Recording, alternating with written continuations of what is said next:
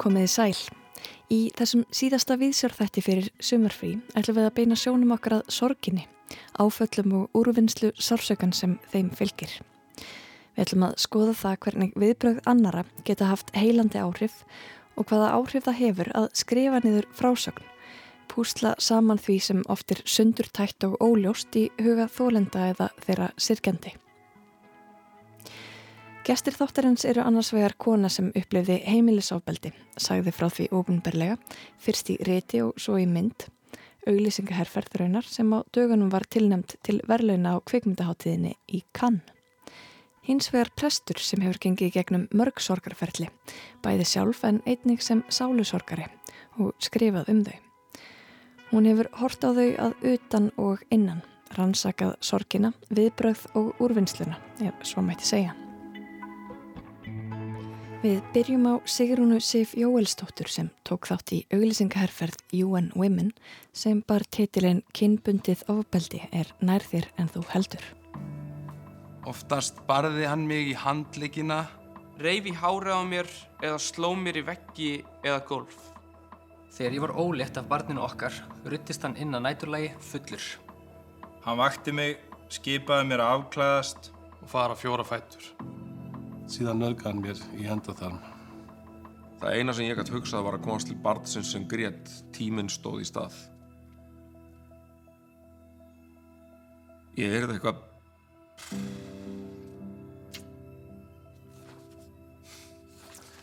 Ég kemst ekki lengra. Kona sem á þessa frásögn situr á mótið þér.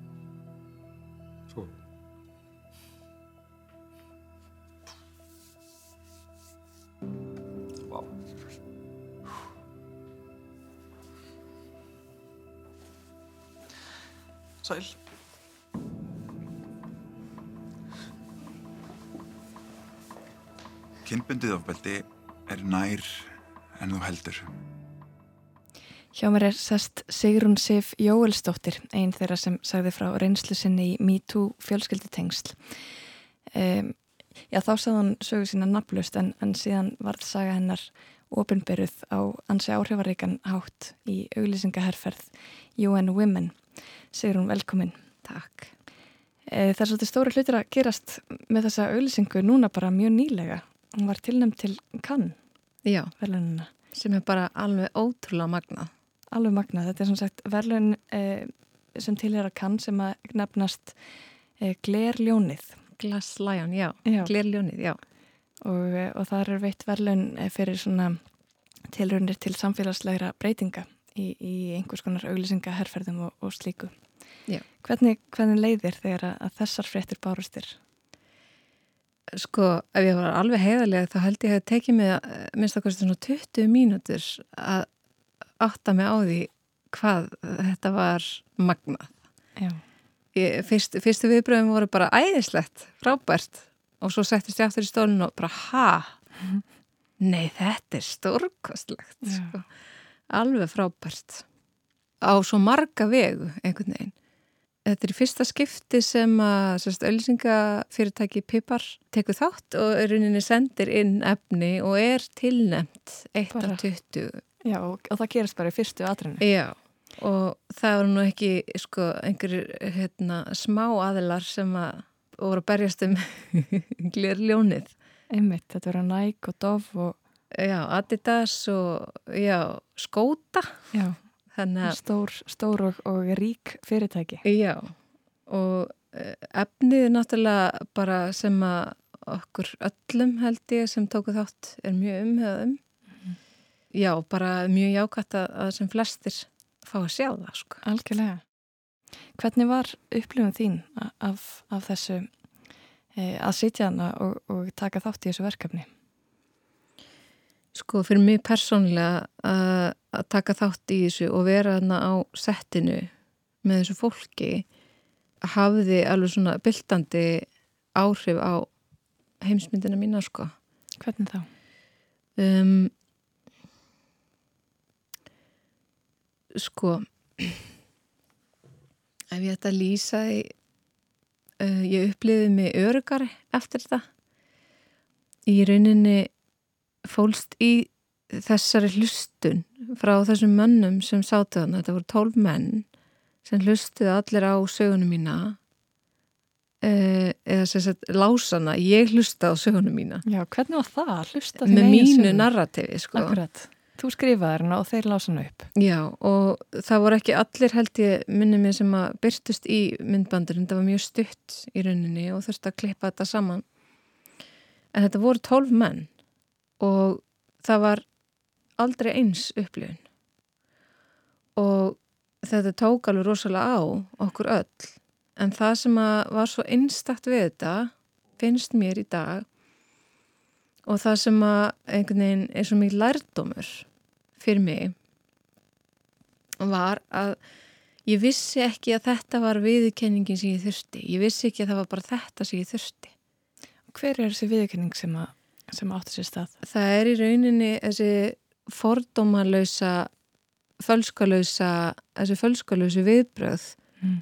sem koma þegar þú hreinlega hefur ekki tíma til að bregðast öðru sér við. Einmitt. Þú bara hefur ekkert ráðrúm til að búa til eitthvað distans. Manneskjan setur bara beintur fram að þig og horfir í augun að þig sko. Mm. Og það var ekki bara áhrifamikið og fallegt heldur líka þetta var svona heilandi fyrir mig Mm. og þetta heilaði söguna mína líka sem að verður oft allavega í minni reynslu ég held að, að þólendur ofbeldist ekki það að það brotnar upp sagan þeirra, þess að sagan verður svona brotakend einhvern veginn reynslan, lífsreynslan Hvernig það var brotakend? mm, og svona rugglingsleg stundum fram og aftur í tíma Mm. og líka svona bara hugmyndalega og skoðananlega nýður hólfuð einhvern veginn, það er verið að útskýra. Það er svona, maður er einhvern veginn að reyna að díla við þetta kannski með huganum eða, eða í gegnum einhver samferðslega skoðanakerfi. Mm. og eiginlega bara svolítið rugglaðar skilur þú veist það er bara svona og oft tekur það mitt uh, ég upplýði til dæmis ekki sjálf þegar ég var í þessum aðstæðum að þetta væri ofbeldi sem er Ah. alveg störtlað sko. Það er mjög magnað. þannig að þú veist ég komið svolítið langt þegar ég fann að hlusta á mína eigin sögu með augum einhverja annara og það skipti líka máli að þetta voru kallmenn ég get ímyndið með það. Komið viðbröð þeirra á óvart í svona stundinni? Uh, já, ég vissi ekkert á hverju ég átti von og ég mér langar að, hérna að, að hérna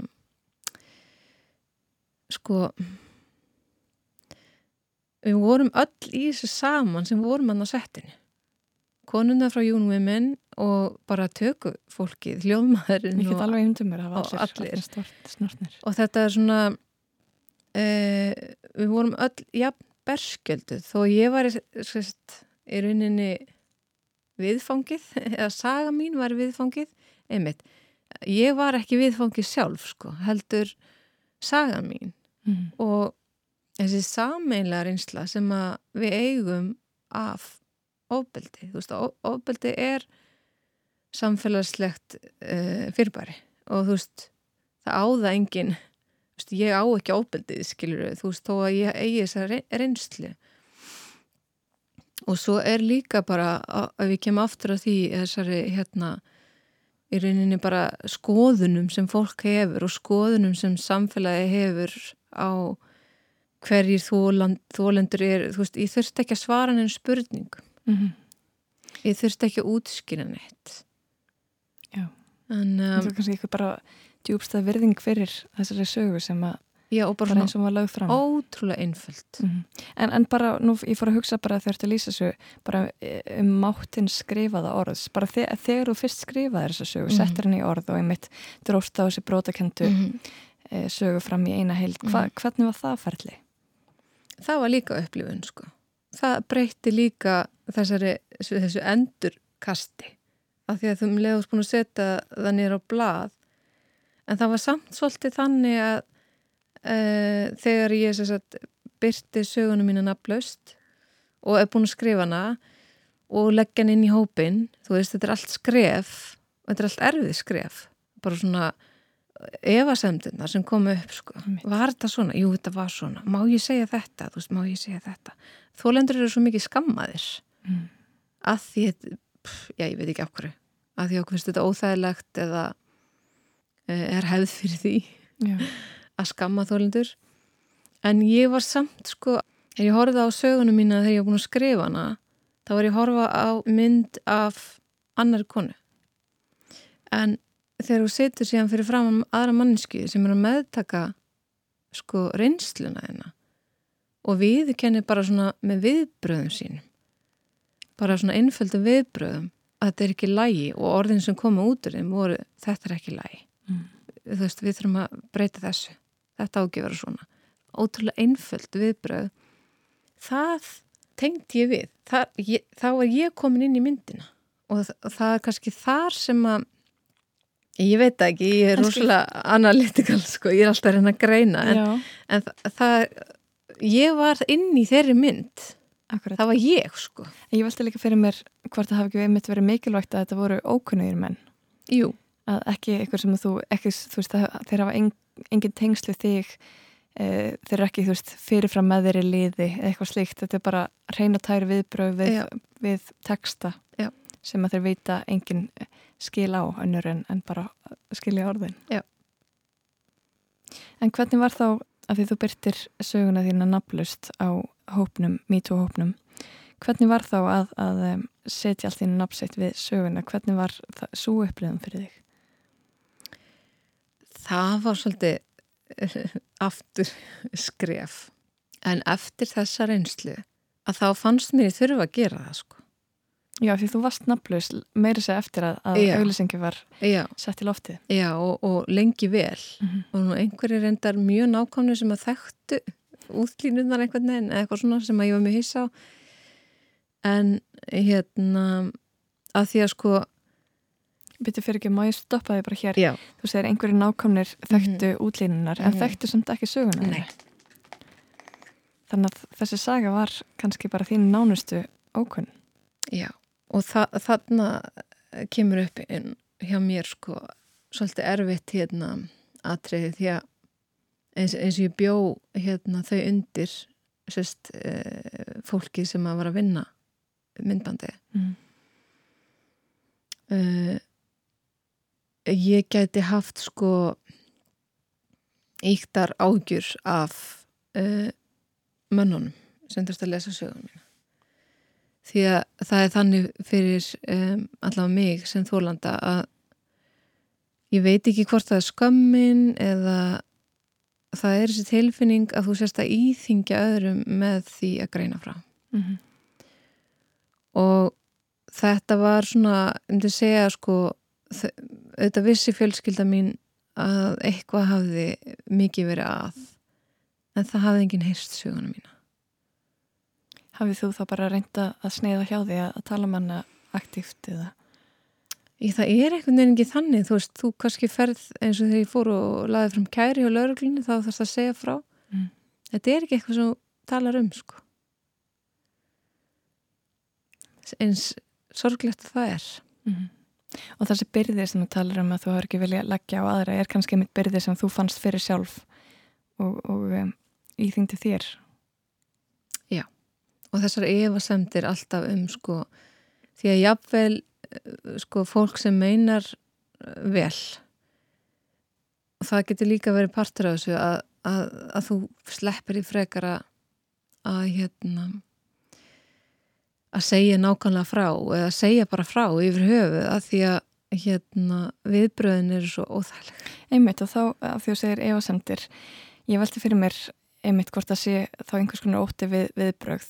Og, en hvernig liðir það þegar þú vissir að þú varst að fara að fá viðbrögð, varstu ekki trættum að, að eða varstu trættum að, að e, verða fyrir vonbröðum eða e, verða særði eða þurfa að gangi gegnum einhvers konar Já, þetta kom allt upp og með þess að þegar ég var inn í um, og, það var einmitt svo frábært hvernig fólki sem stóð að, að myndbandinu hvernig við einhvern veginn höfðum sko, við vorum búin að, að hérna, ímynda okkur allt sem geti komið upp sko, og útgönguleiðir og hvernig við ættum að ef ég, ég gæti þetta ekki eða eða bara hva, hvað sem er þú veist ef að einhver myndi frík út eitthvað sko við vissum ekkert hvað myndi gerast um, bara viðbarsáallin já það var í rauninni viðbarsáallin en svo einhvern veginn gekk allt upp og ég trúi því að það hafi verið af því að við vorum saman hann í þessu vulnerability bara í þessari berskjöldun gagvart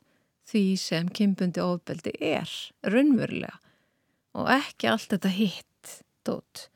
Hvenar gerist þetta, Hva, hvað varst þú að gera? Hvað sagðir þú? Mm. akkur varst í þessum aðstæðum það var enginn að leita að sökutólki nei. Þetta var bara, þetta var bara reynsla sem að ég gekk í gegnum og en, en þú hefur, að, þú myndist aðeins á við mig áður en við töluðum við setjum upptökuna í gang að, að þetta, að þú hefur bara velt fyrir hvort að þetta geti bara verið einhvers konar þerapía að gangi í gegnum nákvæmlega þessi e, þessa upplifun sem þú kerst í gegnum. Þetta var, uh, ég stóð mig að því að hugsa aftur og aftur og aftur þegar að eftir að hver og einn hafi sagt klárað lesturinn og þeir fór í myndatöku. Ég, ég hafði svo miklar áhyggjur af þeim sko, það var hann að sérstaklega einn ungum maður sem ég hafði alveg rosalega áhyggjur af og fæstundum alveg sting ennþá sko. En hann hefur sjálfur líst því að þetta hafi haft mikil áhrif á hann. Og það getur ekki verið neikvægt þegar við erum öll í þessu saman sko. En ég stóð mig að því sem sagt að hugsa að ég vildi að við allar getum fengið þetta. Mm. þessi viðbröð bara einu sinni. Mitt, fallegt. Já. en, en, en um, þú, þú sagðir þetta fallegt kon lýsir þessu í hvert einasta skipti. Hvað gerast í endurtækningunni að setjast aftur og aftur í stólinn og vita ok, nú gerist það. Það var bara alltaf allt nýtt í hvert skipti. Hvernig þá? um, ég náttúrulega sko, sjálf þurfti að hafa mig alla við, þú veist, það var náttúrulega ákveður svona spenna líka, að því að ég vissi hvað er í vændum, sko. En ég var að, að hérna, fylgjast svo vel með þeim, ég satt svo nálagt þeim, þannig ég var svo mikið með þeim líka. Mm. Og þessar sögur sem þeir lásu áður en þeir lásu söguna mína voru líka rosalega erfiða sögur sem voru frá öðrum, öðrum löndum. Þannig að og engin er eins einhvern veginn. Þú veist, nærvera hvers og eins einhvern veginn var ný alltaf í hvers skipti. Mm. það var samt ekki eins og þú veist að það er einhver svona mettun það bara nú get ég ekki meir af því að þú veist það var alltaf nýtt augnablik. kannski bara einmitt næring í einhvers konar já, eða, já, eins og þú segir heilun einhver Já. sásöka Já. en hvernig sér það fyrir þér að vera hægt að nýta þetta í þerapíu? Ég er búin að hugsa það svo mikið. Sko, ég held að uh, ég, ég er ekki komið með svarið, sko. En uh, ég, ég hef svona nefnt þetta við fólk. Uh, ég held að það sé ekki það að þurfi að vera endilega svona margir áhorfundur. Heldur bara að ná fram þessum, ekkert endilega þessum sjokkfaktor, en samt þyrfti það að vera í þannig rými þar sem að er ekki mikið pláss fyrir mikla svona hugræna úrvinnslu. Já. Já, Kann, kannski, já, eins og við vorum að tala um þetta tröst á að um, að það býr ekkert annað að baki heldur en bara tröstið á söguna og, og um, þessi sönnu viðbröð eitthvað neginn ekki kannski Já. óvænt viðbröð endilega Nei og þú veist og það er bara svona eins og ég setja þannig fyrir mér þessi tengt frá í rauninni samfélagshefðinni, sögunni, þú veist það er ekkit rými fyrir eitthvað svoleis inn í þessum aðstæðum. það verður eitthvað debatt, það er enga raukræðir að fara í þessu stað. Nei og sko mér finnst þetta, mér finnst um, þetta að segja svolítið mikla sögu um hvernig samfélagi við búum í og það var það sem að bylti svolítið í minni heimsmynd að þessi menn vildu bara alls ekkert að ég væri beitt Mhm. skilur sem var kannski, kannski einhver trú sem að einhver stað bjó í þér Sko, ég vil meina það að allavega sko réttakerfið okkar eh, og, og svona þegar áreinir að þá er þetta í rauninni sko samfélagsgerðin okkar henni var komið á með ofbeldi og þess að drottnun í rauninni hins kalllaga sem var skilgrind sem kalllagt yfir konunni. Og við getum átt marga daga þar sem maður reynir aldrei á þetta vegna þess að þetta er kannski ekkit endilega það sem er svona nærtakast hjá einhverjum einstaklingi, skilja, einhverjum kallmanni sem að, þú veist, við veitum ekki hvað þessar skoðanir eru, en þegar reynir á þess að í rauninni þessa hýrarkju að þá kemur þetta alltaf fram. Þegar reynir á sjálfræði konunar til dæmis, þegar reynir á bara okkar rétt til mm. lífs og, þú veist, bara mannréttindi að þá kemur þetta upp, sko. Populariteknin. Já, og þetta er eins og þetta sé í í bara okkar sagna minni einhvern veginn, bara fast. Og við speklum jáfnvel þó í hjartanu við vitum að auðvitað átt ekki þetta ekki vera svona, akkur er þetta svona samt er þetta svona veist og, og svo blundar í, í þér þá emitt og, og okkur öllum einhvers konar um, gömul vitneski um, um þá einhver viðbröð sem við mætti búast Já. eða framvindu sögunar sem við höfum lesið um og, og Já og bara, og hvað reynist rétt Já, óháð því hvernig mér liður sko einmitt.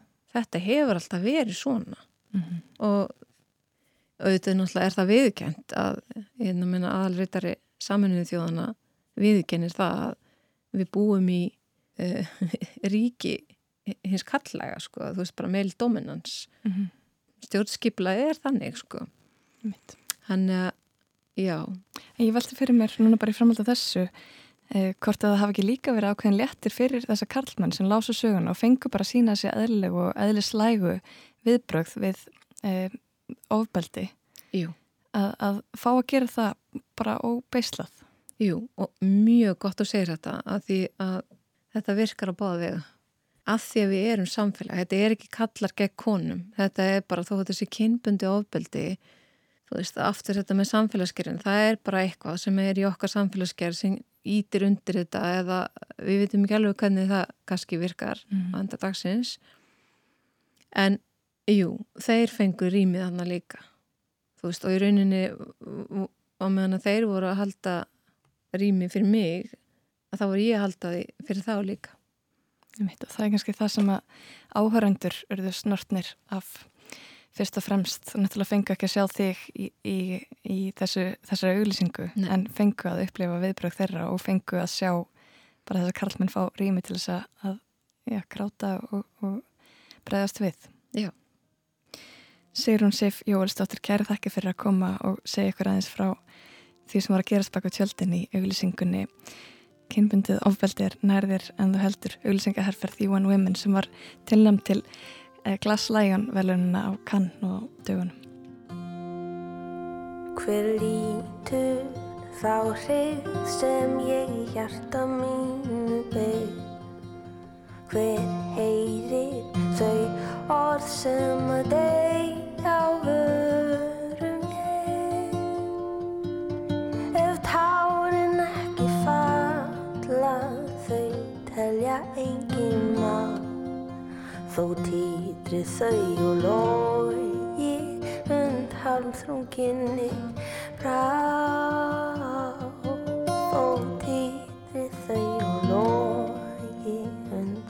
halmþrunginni brá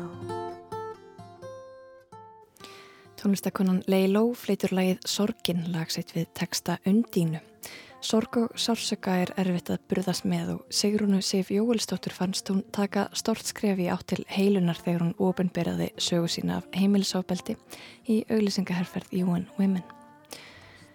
Það eru ótal dæmi úr bókmyndaheiminum úr úrvinnslu sársöka eftir missi eða önnur áföll. Joan Didion, The Year of Magical Thinking, C.S. Lewis að Grief Observed, myndin af pappasaga Telmi, Ástinn, Drekin og Dauðin, svona mætti lengi telja.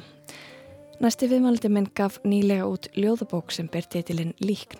Sjálfverun umvafin sorg oft og það er hluti af hennar starfi. Hildur Eir Bolladóttir er prestur sem skrifar bæði hugleðingar og ljóð og dauðin hefur verið henni hugleikin frá barns aldri. Sko, þessi bók er náttúrulega búin að vera tölvöld lengi smíðum, einmitt þó hún sé nú kannski ekki stóri sniðum eins og orðaðir en, en um einmitt stór mál.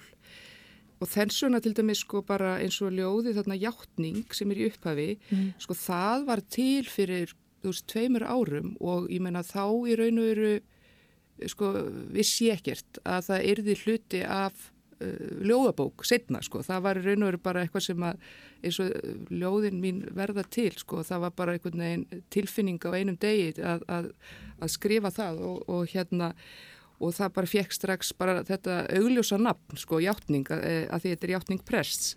Kanski við vindum okkur bara svolítið yfir í það sem ég langaði að spjallum við þig Mm. um, af því að þú ert nú þú ert prestur Mm. og þar með sálu hjálpari og Já. þess utan skrifandi prestur Mm. og þá langaði mig svo að ræða við þig um máttins skrifaða orðs sem sagt í, í svona heilunarferli Mhm. og þú eiginlega bara svona leittir inn í það með, með þessum titli játning Mhm. bara í fyrsta lagi náttúrulega sko, skriftir þá svona, hug, svona hugreiningatengsl við Mm. náttúrulega skriftir í kaþólskunni það, það gerist eitthvað svona í, í því að orða hlutina Mm. e, draga það svona upp úr hildýpunu stundum eitthvað svona skömm stundum eitthvað, bara eitthvað djúb sorg Mm. hvað hérna, hvað gerist í, í skriftum, eða svona í, ekki skriftum kaþólskum skriftum heldur Nei. í, því að skrifa Hva, hvaða mátt hefur það fyrir þér? Sko, það er margslungið. Sko, ég hef alveg fundið það í gegnum tíðina því ég er búin að skrifa alveg frá því að bann að þar kemst ég á hver ástand sem að er búið að vera að kenna fólki núna í langa tíma að nýta sér þegar þeir líður illa eða þegar það er kvíðið. Sko. Það er, það er raun og veru þessi sko núvitund eða þetta dáleiðslu sko ástand og fyrir mér svona bara í fyrsta lagi þá er það að sökka mér honni sko skapandi skrif er það að sko það er nánast sko ég skal ekki kannski segja einu aðstæðunar en það er eina fáum aðstæðum þar sem að ég gleymi öllu öðru skilur þú þannig að, að það sem ég kemst inn í svona ástand þar sem að eh, ég næja útiloka sko áhyggjur og þráhyggjur og, og allt þetta sem að svona í daglu lífi er alltaf svolítið svona fylgifiskur þó að það sé kannski ekki alltaf alveg sko meginmálið í öllu sem ég er að gera sko. Þannig að það gerist í ferlinu að skrifa. Já, það en, gerist. en hvað gerist svo við þá frásögnina þegar hann er komin á blaði eða hug, hugmyndina eða hugsununa eh, verður eitthvað svona verður eitthvað eh, eitthvað fjarlægð eða eitthvað svona úrvinnsla bara með því að, að sjá hana svo kannski lesa hana aftur? Já, sko bæði það og svo verði líka viðkjanna það að sko það að senda síðan þe- þetta sem ég er að skapa sko út á meðal fólks skiluru, mm. að því að við erum ekki eiland og við er, erum, erum tengslaverur sko manneskjöndar að sko fá sko endurgjöf þá ég ekki við þú veist endurlega í rósið og það sé þetta gaman og við þurfum öll á því að halda og fá að heyra að maður sé að gera vel og allt það heldur sko skrifin mín eru yfirleitt sko einhvern veginn á einhvern hátt það að ég er að segja eitthvað sem ég langar svo til þess að fólk geti spegla sig í og dyrmatast endurgjöfum fyrir er þegar fólk sko segir heyrðu þú orðaðir eitthvað sko einhverja tilfinningar sko sem ég hef lengi borið en ég hafði ekki átt að mig á sko að væru þessar. Hún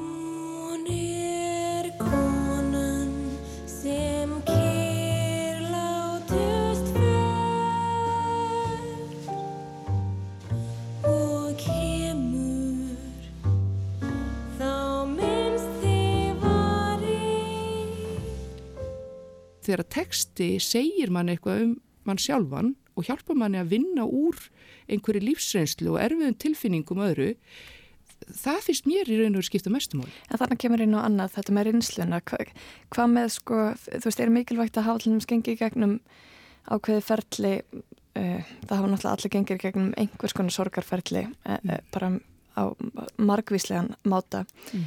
Þóttir hafa ekki mist endilega einhvern síðan nákomin, en, en telur það að það sé mikilvægt að geta einmitt spekla sig í reynslunni, hvernig talar þau þá til fólk sem að, ég hægt að tala til fólk sem hefur ekki, deilir ekki reynslunni? Já, sko ég, ég myndi sko segja, já, já áttu þá við bara, þú veist eins og bara sko eins og bara með ljóði líkn sem að fjallar um dauðan sko, uh, sko hvort að fólk sem að á ekki þessa reynslu beilinis, hvort að það geti einhvern veginn tekið eitthvað við Já. einhverju úr ljóðinu Já, ég er svona einhvern veginn að velta fyrir mér bara lesandanum og, og reynsla hjá með höfundar hva, hvar þeir mætast. Já, í, það er nefnilega svolítið áhuga, þetta er áhugaverð nefnilega spurning hjá þér því að ég hef nefnilega velti fyrir mér að því að sko ljóði líkn sem fjallar sem er svona lengsta ljóði, þú er bara langt ljóð sko bara uh, í, í bókinni ég hef nefnilega veltið svolítið fyrir mér muninum á því hvernig fólk sem hefur gengið gegnum þessa lífsreynslu upplifir það Mm. og svo aftur þeir sem að hafa ekki gert það en það sem ég kannski er að vonast til eða svona myndist gott að það geti gerst sko að væri að eh, að því við öll munum einhvern tíma gangi gegnum þessa reynslu, skilur það er engi sem fyrir gegnum lífið á þess að kveðja einhvern, sko Einmitt. uh, að þetta ljósi svolítið svona raunsun lýsing á því ferli og þess vegna er ég til dæmis, ég veit ekki, þú kannski teki eftir, þú veist, ég, ég er ekki með neitt miklar sko krúsidullur í tekstanum þar að segja, það er, það, ég meina dauðin er sjálfsög ofsalega svona ljóðurænt fyrirbrið og Nei, það einmitt, hefur verið hægt að semja miklu ljóðurætna ljóð um dauðan heldur en ég gerði. Og Það einhver er- annar hefur gert. Já, einhver annar er gert. Já.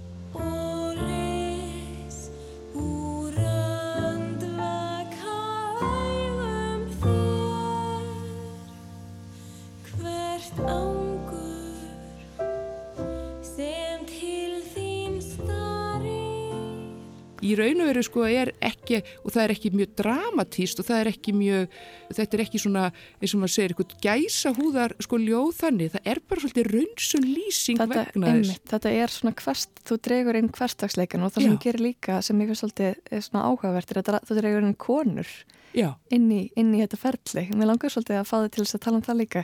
Sko konur, uh, hefði kvenlega í sorginni. aha, Konunar í bakgrunum, hella upp á kaffi, sjá um erfidrykkjuna, lesa dánarfræknir í útvarpinu, Já. uh, syngja uh, vökkukvæði, Já.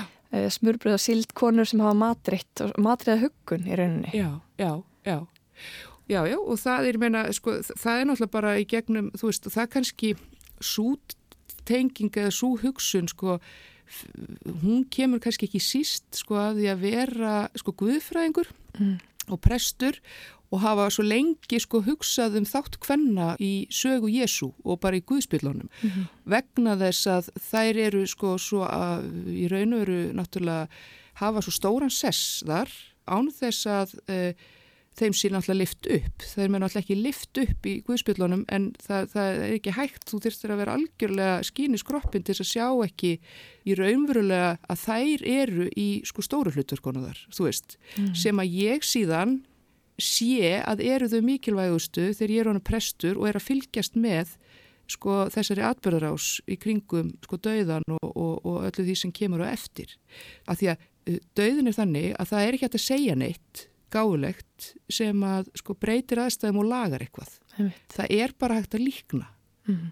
og líknin fælst í, þú veist, náttúrulega samfylgdinni, uh, umhyggjunni, sko þjónustunni, mildinni, mýktinni og því að hafa sko getu til þess að setja sig inn í líðan annara.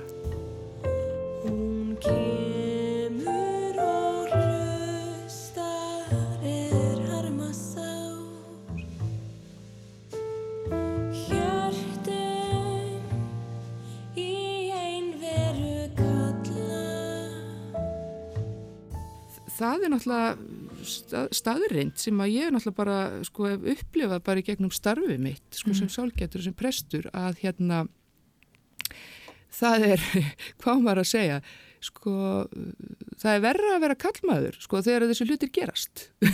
Þú veist, það er það sko margan aða því að nú tölum náttúrulega, þú veist, ég meina ko- konur uh, náttúrulega, sko, eins og við bara vitum, sko, í gegnum söguna, þú veist, uh, eru oft í, í, í svona verri stöðu gagvart ímsum málum, skiluru, og kallmenn hafa vinningin sko bara vegna þeir, að þeir hafa tekið sér þá stöðu, skiluru, og þú veist, við þurfum ekki að útskýra það, bara feðraveldið og allt það, þekkjum það. Og vel.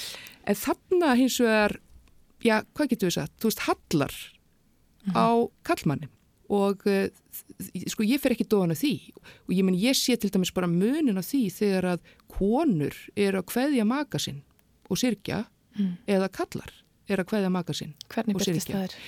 e, það sko byrtist náttúrulega fyrsta lagi því að konur eiga miklu auðveldara sko það, þær eiga vinkonur og, og, og, og félagsnett þar sem að þær sko er í þannig tengslum og búin að rækta þannig tengsli gegnum tíðina við vini, við vinkonur að þær finna sér geta talað um líðan sína Tilfinningar eru viðkendar. tilfinningar eru viðkendar og það er ekki það að kallmenn geta verið mjög vinamarkir og átt mjög góða vini og góða vináttu en eðli vináttunar er hins vegar oft þannig að þegar kemur að sorginni þá verða þeir ofsalega innmanna og sko finna sér ekki í því að tala um uh, uh, líðan sína og sko ég vil ekki endilega meina ég held að þessi pínu klísi að tala um að þeirrum finnist að vera sko eitthvað veikleikamerki eða þessi uppeldislegt að þeir hafa átt að harka af sér og eitthvað svoleiðis, einu sinni var það þannig ég held að það sé nú raunur að breytast með nýjum kynsluðum, en það breytist ekki með kallmenn að þeir eru svona generalt eða yfir höfuð þeir eiga síður þessi tengsl við fólk út af við og þeir hafa kannski átt það við maka sinn nefnilega sem þeir eru svo búin að missa Já. en eiga ekki þau tengsl við aðra. Þeir eiga vini sem að þetta geta komið og, og hjálpa til og, og, og þeirra verið undir búið útförina eru tilbúinir að leggja hitt og þetta til málana en kannski ekki, þeir eiga kannski ekki þessi mannlegu tengsl sko þar sem að þeir geta bara setið og grátið í fanginu á vini sínum og bara sagt sko hvernig þeir sakni konuna sínar og hvað það sé sem að sko þeir sakni nú mest og hvar þeir sé nú stattir sko á fyrsta ammalisteginum hennar sko hvernig þeim hafa nú liðið þá og svo framvegis. Sen du for har min spegel glömt bort hur du såg ut. Nu får den aldrig se dig. Telefonen har glömt bort hur du lät. Och ingen talar längre om dig med mig.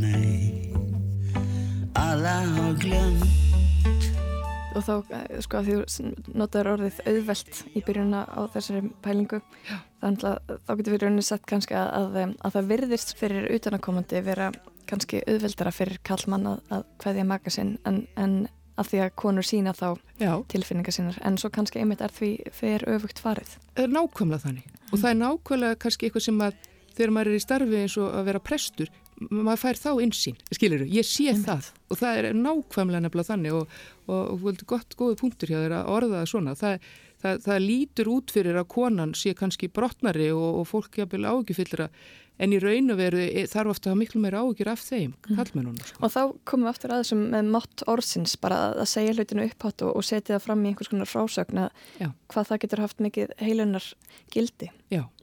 En ég vil líka vera að velta fyrir mér prest hlutverkinu í samengi við, nú, ma- nú mátt ekki móðgast, Nei.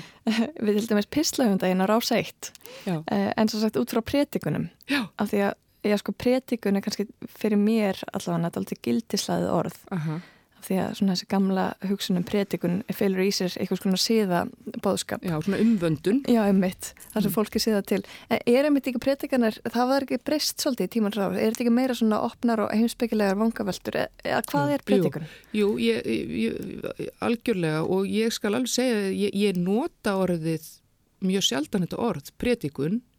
Eflaust gætu einhverjir uh, flinkir orð sifja menn, uh, íslen, íslensku fræðingar, sko fært rauk fyrir því að maður sé oft tólka orðið, þú veist, pretikun, en ég hef nákvæmlega þessu sömu tilfinningu og þú, sko, en það kannski ekki mjög langt á millokkar haðinni í Mhm. aldri og svona kannski svipaðri kynsloð eða já, Mhm. að mér finnst erfitt að tala um orðið sko pretikun vegna þess að með því finnst mér í svolítið verið að segja heyrðu, ég stend hérna í stólnum Akkurat. og uh, þið eru ekki eins upplýst fólk og ég sem eru hérna að hlusta á mig og ég er að segja ykkur vegna þess að ég hef sko sannleikan í höndum og, og veit hvernig að bera hann fram sem, sem, sem mentaðu guðfræðingur, skilur þau, að því einu sinni var það þannig. Skilur þau, að ég meina það voru læknar og svo voru það prestar og, og, þú veist, og síslumenn, skilur, þetta var mentaða fólki. Það var litið upp til þess vegna, vegna, vegna þess, en náttúrulega það er bara alltaf tímar í dag. Ég meina ég stend bara þarna og, og söfnuðurinn á móti mér og það er bara fullt af fólki sem bara eh, er miklu mentaðar en ég, veit alls konar hluti miklu betur en ég og, og, og hefur bara kannski meiri lífsreynslu, þannig að það er í raun og veru galið að setja sig í þá stellingu að vera að predika. Þess vegna tala ég er veru alltaf orðið um hugleðingu. Hugleðing, einmitt. Að ég sé að flytta hugleðingu, ég er að hugleiða með fólkinu og uh, það er bara alls ekki víst og fólk á ymmit að vera með sko bara afruglaran á, í gangi þegar það er að hlusta á mig því að það á alls ekki sko að taka þessu sem algjörður sannleika sem að, að ég er að segja, ég er bara vannmáttu manneskja, jújú, með einhver, einhvers konar mentun bæði á lífinu og, og skóla sko, en, en bara ein manneskja mörgum og við höfum bara huglega þetta saman og þetta væri best náttúrulega að uh, prétikunin eða hugleðingin í messunni væri raunum bara samtal, eða skilur þau? Þetta kallast náttúrulega mjög sterklega á við þar sem þú varst að lýsa með, með ljóðabókinu að, að þér finnist mikilvægt að, að eiga í einhvers konar samtala við lesendurna, Kveik, kveikja í þeim á einhvern hátt. En, en svo kom þessi, sko það, það er eitt að skrifa prétikun og, og hérna, eða hug, hugleðingur skulle segja, Já. eitt að skrifa hugleðingur sem er þá svona langur pistill eitthvað, um eitthvað ákveð efni og sem að ljóðin þín svo sem eru kannski líka en þau hafa augljóslega bara eftir lestu bókarinn að koma tíðin á, á ólíkum stundum en einn kapli allavega hefur greinilega svona vaknað svolítið í vinnunni. Mm -hmm. Hva, hvernig, hvernig koma þau til þín? Hvað, svona, hvað kveikir í þér og, og hvernig vinnur þessu með það? Þú, þú átt við líknar kaplan, sagt um döðan, já. Sko, já, það eru einmitt, sko, það er svolítið merkilegt, ég, ég raun og verið, það er alveg rétt hjá þér, að sko, það eru myndir sem að hafa, sko, vaknað í, í gegnum starfið og auðvitað er þetta þetta sérstök staða að vera í, að vera, sko, alltaf inn í sorgum fólks Mhm. og þessum bara, sko, stóru tímamótum og augur stundum einhvern veginn í lífi fólks en, en að vera sko og vera það í samferða en vera samt áhorfandi í raun og veru sko að því að, að því þú ert ekki tilfinningarlega tengdu öllu sem að ég er að þjóna skilur það bara auðvitað ekki Mhm.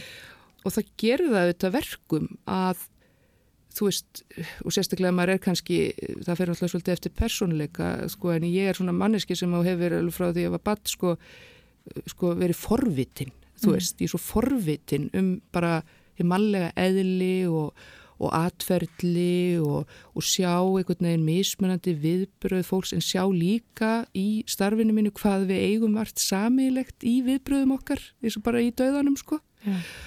og þannig að þessar lýsingar sko sem er í ljóðinu þú veist þetta er ekki einhvern eitt atvik sem bara situr í mér skiluru, þetta er þú veist það er til dæmis bara eins og ég er að lýsa sko uh, kistulagningunni á einu staðnum sko þetta eru margar kistulagningar Einmitt. Sem að ég lýsi þarna með því sem að, að verður til. Mhm. og þarna það kemur þarna svona eins og og- og minningar orð eða líkræða. Þetta eru margar líkræður sem Já. að ég er að setja þarna niður. Og þegar ég kem að dánarbeði eins og ég lýsi þarna þú veist þetta er, þetta er mörg tilvík Já, drey, dreigið saman í eitthvað dreigið svona saman, já, já, já, já. Og að, og þá hefur augljóslega, er eitthvað kjarni í öllum þessum tilvikum Mhm. sem eru nú orðin ansi mörg á 14 ára starfsverli sem að ég greinilega tek alltaf eftir eða staldra alltaf við Já, einmitt. Þannig að þú, já, þetta er svona, þetta, er- þú hefur rauninni fengið tækifæri til að stunda hansi nákvæmma rannsóknarvinnu. Já, já, í raun og veru sko. Og þess vegna eiginlega fannst mér þegar ég byrjaði að skrifa þetta að ég, ég var alveg búin að setja mér þessar stellingar að þú veist að geta haft ofsalega svona ljóðræna, sko, teikna bara upp ofsalega, sko, einhverja flottar myndir. Mhm.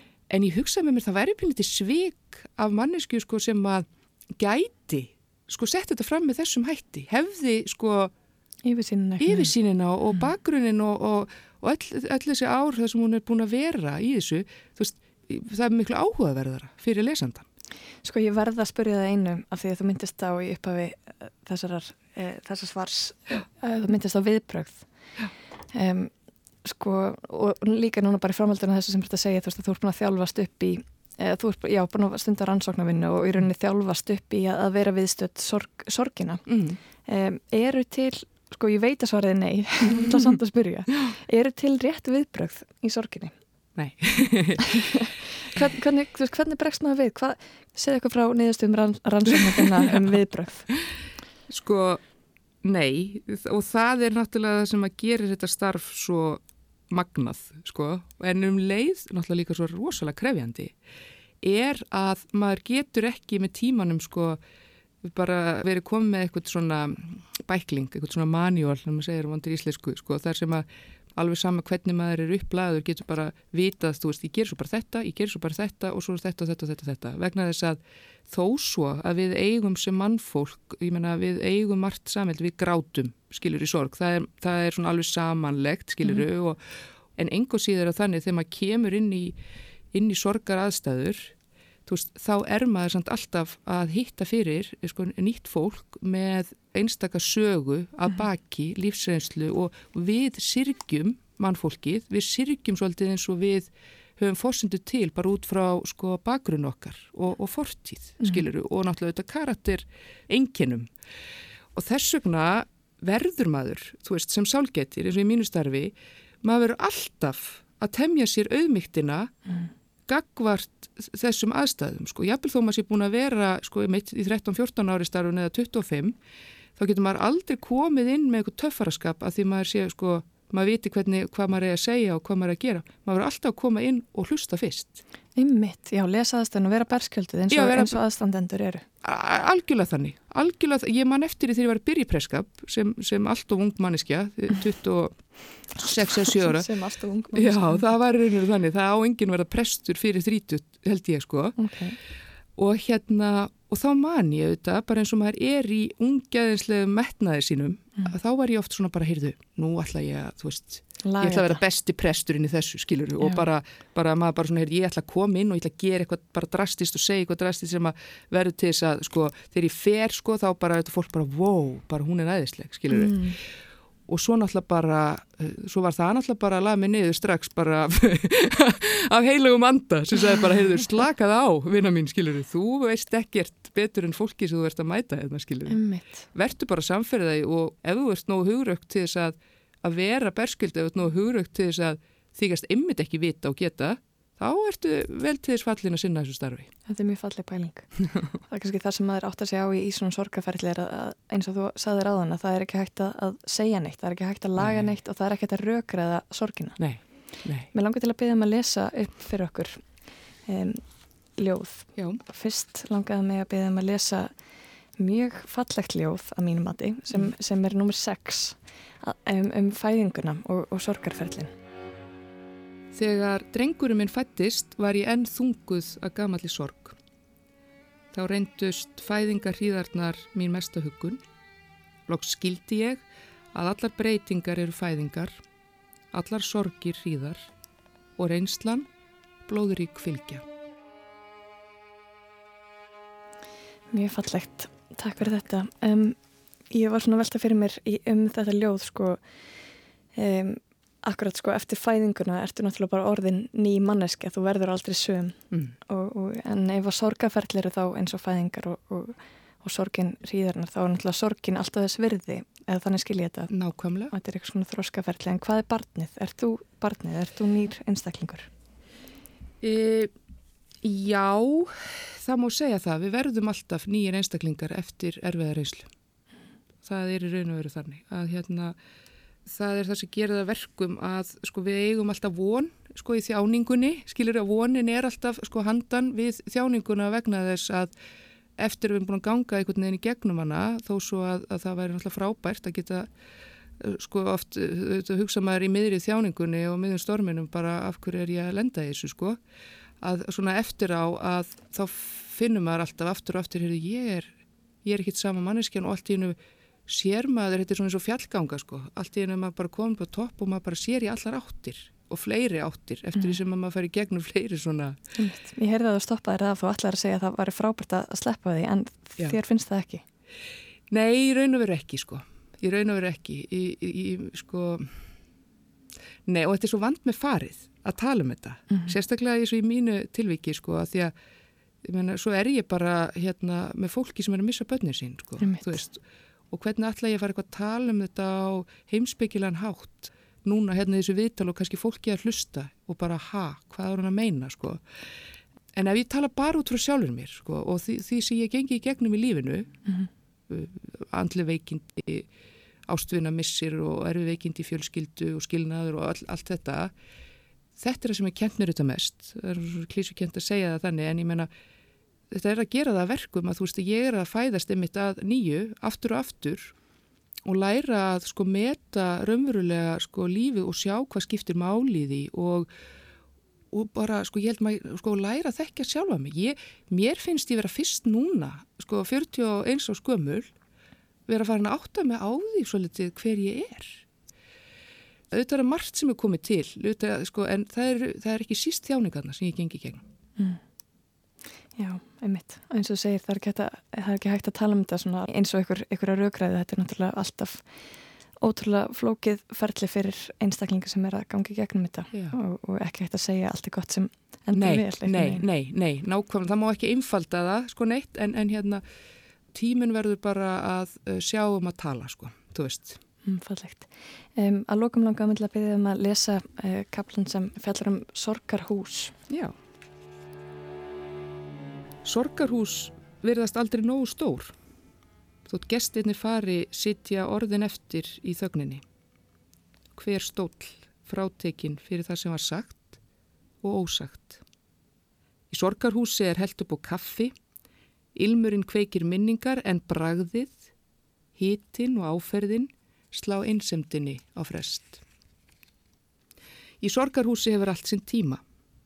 Þó tíminn sé segfljótandi kvika hefur raunsæðið sinn tíma, surrealismin sinn tíma, vonin sinn tíma.